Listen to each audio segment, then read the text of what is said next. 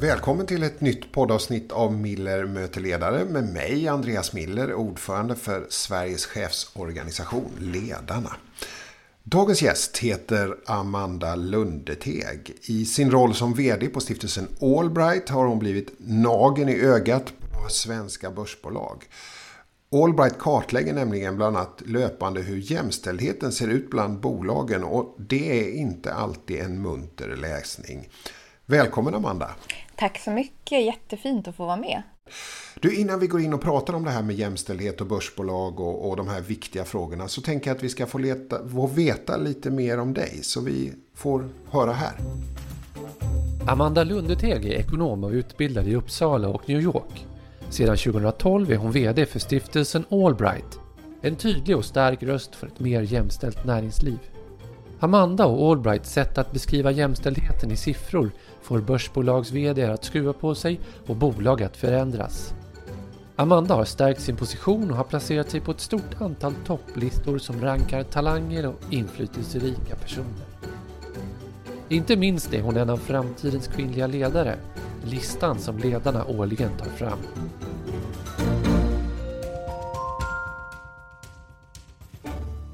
Eh, du är ju VD för Allbright. Eh, du är eh, chef och ledare. Och om vi skulle prata lite grann om vad skulle du säga, vad karaktäriserar en bra ledare för dig? Ja, det här är det värsta jag vet att prata om ledarskap. Det är då mitt liksom, imposter syndrome blir som absolut starkast. Ja. Var, varför är det? Varför Nej, men jag, efter liksom, eh, många år som ledare ändå, har jag fortfarande för svårt att förlika mig med det. Jag vet inte varför, men eh, det känns som en sån så himla stor uppgift. Eh, men, men ja, eh, en bra ledare. Jag har i alla fall haft turen att vara omgiven av väldigt liksom, inspirerande ledare och haft många bra ledare Eh, och har. Ehm, och något som jag tycker liksom är gemensamt för dem är att de är trygga och förtroendeingivande. Jag litar på, liksom, jag litar på dem. De känns som hela personer. Ehm, och jag tror att det är att de är ganska öppna med sina sårbarheter. Eh, de blandar liksom professionalism med att vara lite mer liksom personliga. Och är rätt så här empatiska och ödmjuka men räds inte att fatta beslut. Så de lyckas balansera det där väldigt bra tycker jag. Varför tycker du att det är jobbigt att prata om ledarskap då? När du, om, är det det att du kommer nära dig själv eller? Ja, men jag tror att jag ser det som en, um, en um, jag är ju en, här, en klassisk person som har varit liksom, Eh, så här, ung, engagerad, började som praktikant och tog över som VD efter bara något år. Och då hade ju inte vi just några medarbetare, det var jag och en till. Eh, så att för mig var det nog mer så här, men jag bara gör mitt jobb. Jag, jag liksom siktade inte på att bli en ledare och det här är väl klassiskt. De ledarna brukar ju tyvärr inte vara så bra. De som gör sitt jobb liksom bra men blir ledare.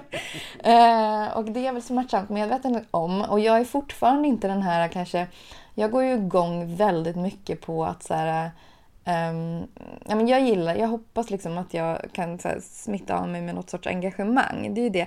Men jag är egentligen inte liksom, den här klassiska så här, nördiga ledaren som jag vet att många går igång på. Bara så här, se andra människor växa och liksom att det är det man brinner för. Och det är klart att jag tycker det är svinkul.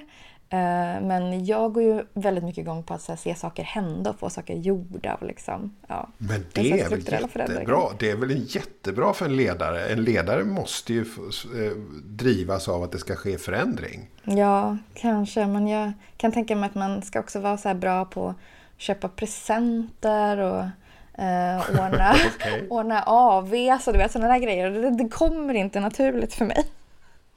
Men jag jobbar på det. Du jobbar på det. Ja. Jättebra. Men, det, men du, eh, om jag säger så här, vilka styrkor tycker du att du har som ledare? Ja men det är väl just det där, jag hoppas att jag är bra på att engagera andra. Det vill jag ändå tro. För jag, jag känner ju extremt starkt för det jag gör och jag hoppas att det smittar av sig. Um, men ja, jag var ju så otroligt e oerfaren när jag blev ledare. Um, och, och det har ju också lett till det, det, är nog både bra och dåligt, men det har i alla fall lett till att liksom andra också är väldigt medveten om att jag var oerfaren. Och att eh, jag tror att mina medarbetare känner sig eh, ganska ofta mycket mer kompetenta än mig och har mycket bättre koll på liksom, saker än vad jag har. Och det gör ju någonstans att de tar sig själva och sin kompetens på stort allvar och sätter liksom värde på det att de känner sig betydelsefulla. Eh, och det kan jag tänka mig och faktiskt också så här, jag tror att det är positivt för oss. Mm. Hur, hur jobbar du med att utveckla ditt ledarskap då? Om, om du känner att du, eh, liksom, kan du få, får du, ja, hur jobbar du med det? Mm, men dels så har jag ju gått liksom, diverse olika kurser genom åren. Eh, och jag, um, jag träffar ju väldigt mycket ledare i mitt jobb som jag liksom, nätverkar och pratar kontinuerligt med och delar erfarenheter med. Eh, sen har jag, eh, är omgiven av en styrelse som alla har ganska mycket ledarskapserfarenhet som man kan, alltid kan ta hjälp av. Och sen gillar jag att läsa mycket litteratur och samla på mig du, du, du har ju blivit rankad som en av framtidens kvinnliga ledare på vår så kallade FKL-lista. Vad, mm. vad, betyder det för, vad betyder det för dig? Mm. Um, det har ju verkligen spett på mitt imposter syndrom. Uh, nej, men det är kul att bli liksom uppmärksammad och inte minst för Allbrights skull är det också jättebra. Uh, men för mig personligen så har FKL gett mig något så enormt värdefullt som ett nätverk av kvinnor som jag träffar kontinuerligt. Vi är eh, fem personer, icke-vita kvinnor i liksom lite samma ålder som träffades första gången på en sån FKL, eh, ett FKL-event. Och vi har, liksom, vi har en tråd, vi hörs mer eller mindre varje vecka kring saker. Och eh, försöker som sagt ses också då kontinuerligt och hittar på grejer eh, och delar med oss av precis allt. Det finns inga liksom, hemligheter där. Eh, och det har varit en så bra, det har varit helt ovärderligt för mig, det stödet. Vad kul att höra mm. att, att FKL får, får sådana utlöpare, eller vad man ska kalla det. Det är ju mm. fantastiskt. Och det är ju lite också meningen och tanken med det där, att faktiskt skapa möjlighet till nätverk. Amanda, vad, vad, skulle du säga? Vad började ditt egna engagemang för mångfalds och jämställdhetsfrågor? Eh, ja, men jag tror att min eh, förståelse för rasism och exkludering på grund av hudfärg, det är nog något som jag liksom har haft en växande insikt om hela livet. Ehm, jag är adopterad från Sri Lanka, eh, växte upp som brun i ett vitt majoritetssamhälle. Så det har ju liksom varit omöjligt för mig att inte se det. Eh, däremot så hade jag ett ganska sent uppvaknande när det kommer till jämställdhet faktiskt. Eh, jag var länge en sån här som eh, som liksom, äh, det är bara, alltså, så, lite som de här eh, börs som jag möter idag. Som, äh, det är bara att ha så här, skinn på näsan och vara tuff och liksom ta för sig. Så går det nog. Eh, men sen så blev jag ju smärtsamt medveten om att så funkar det inte. Det var när jag började plugga på universitetet. Jag läste ekonomi vid Uppsala universitet. Och vi var ungefär lika många kvinnor som män som började samtidigt. Men ganska snabbt så märktes det att männen var betydligt mer tongivande, liksom pratade rätt ut på lektionerna. Eh, föreläsarna var oftast män. Litteraturen var huvudsakligen skriven av män, men det som var mest nedslående av allt var att när vi diskuterade fiktiva case på seminarierna så blev vdn alltid en han. Inte en enda gång könade vi personen som en kvinna. Och det var då jag insåg att liksom, nej men jag som kvinna kommer inte ha samma möjlighet att göra karriär som mina medstudenter som är män det blev väldigt uppenbart för dig att här var det ett väldigt patriarkalt synsätt som präglade undervisningen. Ja, men verkligen. Och jag tror inte att det eh, liksom sticker ut. Vi var ju som sagt ändå eh, det var ju jämställt bland studenterna. Vi var 500 och lika många kvinnor som män som sagt. Vad, vad, vad, gjorde du då när du började göra den här upptäckten? Började du diskutera det bland dina studentkamrater eller vad hände? Ja, jag gjorde mig ganska snabbt känd som eh, feministen. Eh, som, eh, för det blev ju liksom, jag tror att i och med att jag ändå hade med mig den här aspekten av eh, liksom förståelsen för rasism så tror jag att jag ganska ändå lätt tog till mig den här analysen också. Eh, och då kapitulerade jag verkligen för det och började läsa all litteratur jag kom över, gick på seminarier och tog till mig kunskap. Och, som det, liksom, lite så här när man är nyfrälst, du vet, man börjar debattera med allt och alla och liksom eh, får ett här brinnande engagemang. Så att det gjorde jag absolut. Och jag startade också en blogg då med eh, två vänner en som läste genus, som också såklart matade mig med kunskap, och en annan som eh, gick på Konstfack. Så vi skrev om liksom feminism och eh, liksom populärkult, kopplat till populärkultur och till näringsliv och till liksom nyhetshändelser. Eh, så att, eh, ja men det, och bloggen hette Plain Jane. Eh, och det var liksom så här, det, det första jag gjorde på området kanske. Men då, då kommer vi ju in i det som är ditt jobb idag. Du är ju vd på Allbright. Om du skulle beskriva farten. Eh, eh, om hur jämställt är svenskt näringsliv idag? Vad säger du? Går det snabbt, långsamt eller backar vi till och med? Mm, jag skulle väl säga att vi tar myrsteg i snigelfart. Eh, det är väl liksom det bästa sättet att beskriva det olidliga tempot.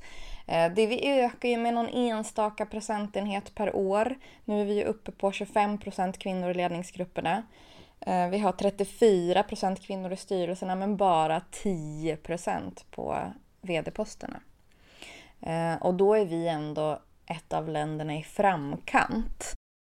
Myrsteg i snigelfart. Vad beror det på skulle du säga? Jag skulle säga att det beror på att men dels så handlar det om att vi har fördomar eh, gentemot kvinnor och minoriteter. Eh, vi vet från forskningen att kvinnor och minoriteter som uppvisar samma kompetens och erfarenhet som vita män bedöms hårdare Eh, vi ser att personer med eh, utländsklingande namn har svårare att ta sig in på arbetsmarknaden. Så att liksom, bevisen för diskriminering finns där. Men det handlar också om att eh, även bland eh, bolag och rekryterare som har en vilja så finns det någon sorts matthet upplever jag. Ehm, 2014, det minns väl alla hur det så bubblade kring de här frågorna. Vi diskuterade livligt och det hände saker. Eh, alla börjar kalla sig feminister. Eh, men nu har vi blivit lite som mätta lata katter som har slagit av på takten. Eh, vi, ser ju, vi har ett kontor i Berlin också, i Tyskland, och vi ser ju där hur liksom intensiv debatten är. Och vi ser ju att det händer saker i USA som faktiskt har gått om Sverige när det kommer till representation på ledande positioner. Storbritannien är också på samma nivå som oss nu. Så vi ser att i många andra länder så bubblar det på ett helt annat sätt. I Sverige så eh, diskuterar vi inte de här frågorna lika mycket. I vissa kretsar, men inte liksom lika livfullt i den allmänna debatten. Men vad skulle du säga, den här mattheten då? Beror den på att man tycker att ja, men, ja, men vi har kommit ganska långt, vi är bra i det här? Eller, eller är det att nej, men vi vill inte komma längre? Eller vad, vad tror du? Eh, jag tror att det handlar liksom lite av alltihop det där, men att det finns att man har nöjt sig lite. Vi ser ju att majoriteten av börsbolagen till exempel, de har ju nöjt sig med, eh, med eller inte majoriteten, men en stor del, med en kvinna i ledningsgruppen. Då tycker man att ja, men nu, nu har vi en kvinna, nu är jobbet gjort. Ehm, och att man därför har liksom, ja, slagit av lite på takten. Sen är det klart att det finns ett motstånd från eh, de som har makt och inflytande då, att lämna ifrån sig den. Det är klart att det känns eh, hotfullt. Mm. Du, techsektorn, den växer ju. Och jag vet att du har sagt snubbarna som är de nya gubbarna. Eh, vad, har, vad är det för bild du ser? Nej, men vi ser att gamla strukturer lever vidare i unga eh, manskroppar. Eh, förr så eh, hette de ju Göran, Leif och Anders, men idag så är det lite mer Daniel, Niklas och Sebastian. Men strukturerna går igen. Eh, och det är ju inget liksom, konstigt. De här strukturerna, fördomarna och normerna är ju så himla djupt rotade i oss alla. Inte bara män, utan vi ser ju även att kvinnor tenderar att premiera män. Alltså vi har ju ett näringsliv som är byggt av män som ofta har haft en eh, kvinna hemma som har tagit huvudansvaret för barn och hushåll. Så att den här mannen har kunnat jobba jätte, jätte, jättemycket och det har varit väldigt prestigefullt att kunna vara supertillgänglig och eh, liksom hårt arbetande. Det där lever i allra högsta grad vidare inom techsektorn skulle jag säga. Eh, techsektorn är ju en väldigt ung bransch, många unga människor. Men, men de här liksom Um, ja, men den där, det där beteendet, att det är häftigt att liksom orka och liksom jobba mycket, det är högst påtagligt i den branschen. Mm. Du, jag läste ett debattsvar av dig gentemot ett bolag som inte delade er, er uppfattning. Och där sa du att att tro att bolaget är förskonade från fördomar är att göra jämställdhets och mångfaldsarbetet en björntjänst. Eh, hur, hur tänker du där? Jo, men vi ser ju, och inte bara att vi ser, studier visar ju också att, att de som tror sig vara minst fördomsfulla eh, ofta är de som bär på mest fördomar. Och då pratar jag ur ett organisationsperspektiv. Eh, vi möter ju ständigt arbetsplatser som svarar med att, när vi har släppt rapporter till exempel, som säger att nej men det där har inte vi något problem med och den där jargongen har inte vi hos oss. Eh, för att man tycker att liksom, det är så självklart att här är alla inkluderande och vi har ju flera nationaliteter. Men man missar då som sagt att alla är offer för fördomar och vi är alla med och befäster och cementerar olika eh, Ehm, gamla liksom, mossiga strukturer. Och när man, när man inte ser det där, när man tror sig vara fördomsfri, då slutar man ju också jobba aktivt med frågorna. Eh, och det är då de här osunda kulturerna frodas. Så att det där är en vanlig fälla skulle jag säga. Mm. Men hur ofta möter du det här? Alltså när ni publicerar era rapporter om jämställdheten och så, blir, blir blir du, är det ofta det här bemötandet du får eller, eller vad skulle du säga? Eh, ja, men vi, det är ofta det. Vi har inte de där problemen. Andra har dem, men inte vi. Eh, jag skulle också säga att en vanlig floskel som blir... För, det förvånar mig att det fortfarande slängs med den, men det är att eh, kvinnorna inte finns. Eh, vi hittar inga. De eh, väljer annorlunda. Ehm, att man har svårt att rekrytera. Det kan i och för sig vara väldigt sant. Ofta handlar det ju om det, att man kanske inte är tillräckligt attraktiv som varumärke.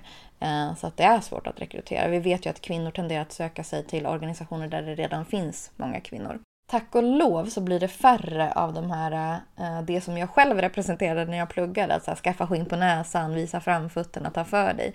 Eh, den tycker jag ändå att det har liksom uppstått någon viss mognadsgrad kring, så den slänger sig inte folk med lika mycket, utan nu fattar man ändå mer att det faktiskt handlar om att vi behöver jobba tillsammans, både chefer och medarbetare för att förändra en kultur. Om du tittar då på, på du är ju tillhör ju en ganska ung generation ändå får man säga. Jag Tack. tillhör ju liksom, får man säga. Och jag tillhör ju då en äldre generation i yrkeslivet i alla fall. Mm. Eh, med mina 56 år. Men vad skulle du säga liksom, om du tänker på din generation och generationerna under dig. Kommer det innebära att vi så att säga, när min generation och äldre fasas ut, att det kommer bli mer jämställt? Eller är det liksom fortfarande så att strukturerna är så starka att, att mycket kommer vara fortsatt befäst? Eller vad tänker du? Mm, både och, men jag tror att vi ska absolut inte förlita oss på att nästa generation kommer lösa den här problematiken. Eh, då kommer vi få vänta ihjäl oss. Eh, det vi vet till exempel från Eh, juristsektorn är ju ett bra exempel. Där har ju kvinnor, det har varit 60 procent kvinnor som har utexaminerats år efter år de senaste decennierna. Eh, så att det är absolut en majoritet kvinnor som är utexaminerade bland juristerna nu. Eh, och tittar vi på partnernivå på advokatbyråerna så är det ju bara 14 procent kvinnor. Trots att liksom medelåldern är ju, där är bland de utexaminerade, där, alltså det borde vara minst liksom 60% kvinnor, inte 14. Så skulle tiden ha löst den här problematiken, då, då skulle vi redan vara i mål där. Eh, så det tycker jag är det tydligaste exemplet på att här, man kan inte bara sitta lugnt i båten utan man måste jobba väldigt aktivt för att förändring ska ske. Men sen är det absolut så att jag blir ju så otroligt hoppfull när till exempel, vi håller på att rekrytera till Allbright nu och eh, alla dessa unga personer som söker som har en helt annan medvetenhet än vad jag själv hade i den åldern. Eh, som har liksom en väldigt mycket så djupare analys och bottnar på ett annat sätt i frågorna. Det känns att de har fått med sig det här tidigt. Så det, det liksom är väl ändå något sorts ljus i mörkret. Ledarna driver ju att vi tycker att en öppen och lagstiftad kvotering till börsbolagsstyrelserna skulle vara välkommet i kontrast till den outtalade kvoteringen av män som nu sker, som du ju faktiskt har beskrivit också. Och det här vill vi ju därför att vi, vi vill ha en jämnare könsfördelning mellan ledamöterna men också ett mer jämställt arbetsliv. Eh, ni delar inte riktigt den här åsikten på Allbright. Ni har tagit ställning mot kvotering. Hur, hur eh, resonerar ni när ni tänker så? Ja men precis. Albright tog ställning mot kvotering i eh, begynnelsen när vi startade för snart tio år sedan. Och eh, vi har hela tiden sagt att vi är på näringslivets sida och att vi ser det som vår uppgift att få företagen i mål utan kvoteringslagstiftning. Eh, men med det sagt så står det ju nu och stampar i styrelserna. Eh, det är ju tredje året i rad eh, som andelen kvinnor ligger stilla på 34 procent. Och ehm, det här sammanfaller ju med att kvoteringshotet försvann för tre år sedan. Så medan kvoteringshotet låg där så läste ägarna på, man gjorde jobbet, man jobbade för att öka andelen kvinnor i styrelserna. Eh, men nu framstår ju ägarna som lite lätt skenheliga när man helt plötsligt då har slagit av på takten. Eh, så att jag tror att om, eh, om inte ägarna skärper till sig nu så kommer det ju bli kvotering förr eller senare och då får de ju liksom skylla sig själva. Så du kan tycka på ett sätt att det är bra att vi som organisation driver på om kvotering. Men ni som du, du ser dig mer som en del av näringslivet och vill förändra på plats så att säga? Ja, så vårt syfte, vår uppgift är ju att hjälpa näringslivet och pressa på näringslivet att komma i mål. Eh, sen ser ju vi såklart att det finns både för och nackdelar med kvotering. Fördelarna är ju att det, är liksom, det, det tycks finnas ett samband mellan fler kvinnor i styrelserna och fler kvinnor i ledningarna. Det är svårt att liksom vad som är hönan och vad som är ägget. Men man ser ju ändå eh, ett, ett svagt samband där. Eh, man har ju också sett att kompetensnivån har ökat i samband med kvotering till exempel i Norge och inom politiken och sådär. Och det är inte så konstigt för att eliminerar vi den diskriminering som finns så kommer ju också den bäst lämpade hamna på rätt plats. Då är det inte de här manliga vänskapsnätverken som får styra. Eh, men sen nackdelarna som brukar framhållas är ju framför allt att liksom många kvinnor säger i, från näringslivet att nej, kvotering över min döda kropp. Man är rädd att få sin kompetens ifrågasatt. Eh, det är också ett intrång i äganderätten. Så att det, finns liksom, det finns för och nackdelar, men jag tror att egentligen, eh, även liksom ni som förespråkar kvotering, det är väl egentligen ingen som helst vill att det ska behöva att vi ska behöva ha kvotering. Utan, eh, men, men jag tror att näringslivet måste öppna ögonen och förstå nu att det kommer bli det ifall det inte händer något nästa stämmosäsong. Du, eh, ni har ju på Hallbright även tittat på jämställdhet i forsknings och universitetsvärlden. Eh, vilka likheter och skillnader ser ni där jämfört med börsbolagen? Mm, eh, alltså mönstren går ju igen oavsett liksom sektor, bransch. Det ser vi väldigt tydligt. Um, men, men det som sticker ut inom akademin, det är ju just det här som vi var inne på tidigare. Att Eh, man har en bild av sig själv som så väldigt liksom, medveten. Och framförallt att man är objektiv och faktamässig. För det är ju många liksom, forskares eh, uppdrag. Det är det man jobbar med. Så att det, man ser, det är en del av ens självbild. Så man tänker att man även är det i liksom, rekryteringar och bedömningar och så vidare. Men, eh, men så är det ju inte. Utan vi går ju alla runt och liksom, äh, äh, har fördomar och påverkade av normer. Eh, så att, så att där, där glömmer man lite bort att man faktiskt behöver jobba aktivt med, med frågorna. Men det vi, det vi också ser inom akademin som är lite speciellt är ju att äldre, alltså mer seniora män tenderar att ha mer liksom juniora män under sina vingar. Och att man liksom eh, citerar varandras forskning och så i högre utsträckning. Så att den här homosocialiteten också, det här nätverkandet är ganska utpräglat där. Mm. Så det, lite en far-son-relation eller vad är det man befäster där eller vad skulle du säga? Ja, men kanske någonting sånt. Eh, att man liksom bekräftar eh, liksom, eh, sig själv genom att omge sig med sig själv, om du förstår vad jag menar. Ja, Amanda, vi började det här samtalet med att säga att du blev ganska medveten om rasismen tidigt i ditt liv eh, utifrån att du är adopterad. Eh, jag tänker att Black Lives Matter-rörelsen har ju verkligen kommit på tapeten. Eh, hur har Allbright tagit intryck av, av de händelserna? Vad skulle du säga? Ja, men vi ser väldigt tydligt att eh, förfrågningarna från bolagen är lite annorlunda. Tidigare har man kanske kommit till oss och velat ha hjälp med att kartlägga kön och ålder. Eh, men nu är man mer intresserad av att titta ur ett bredare perspektiv, att kanske kolla också på etnicitet, ursprung, hudfärg eh, icke-svenskklingande namn och så vidare.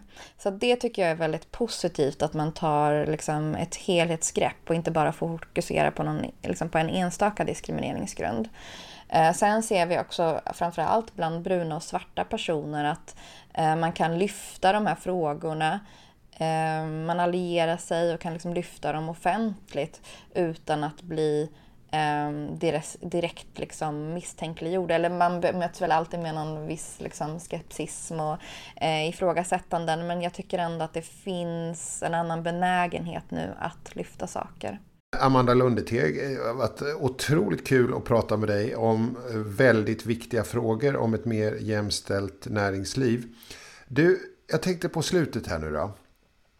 Eh, då skulle du få ge liksom ett råd till chefer och ledare som vill förbättra jämställdheten i sina organisationer. Vad är ditt främsta råd då?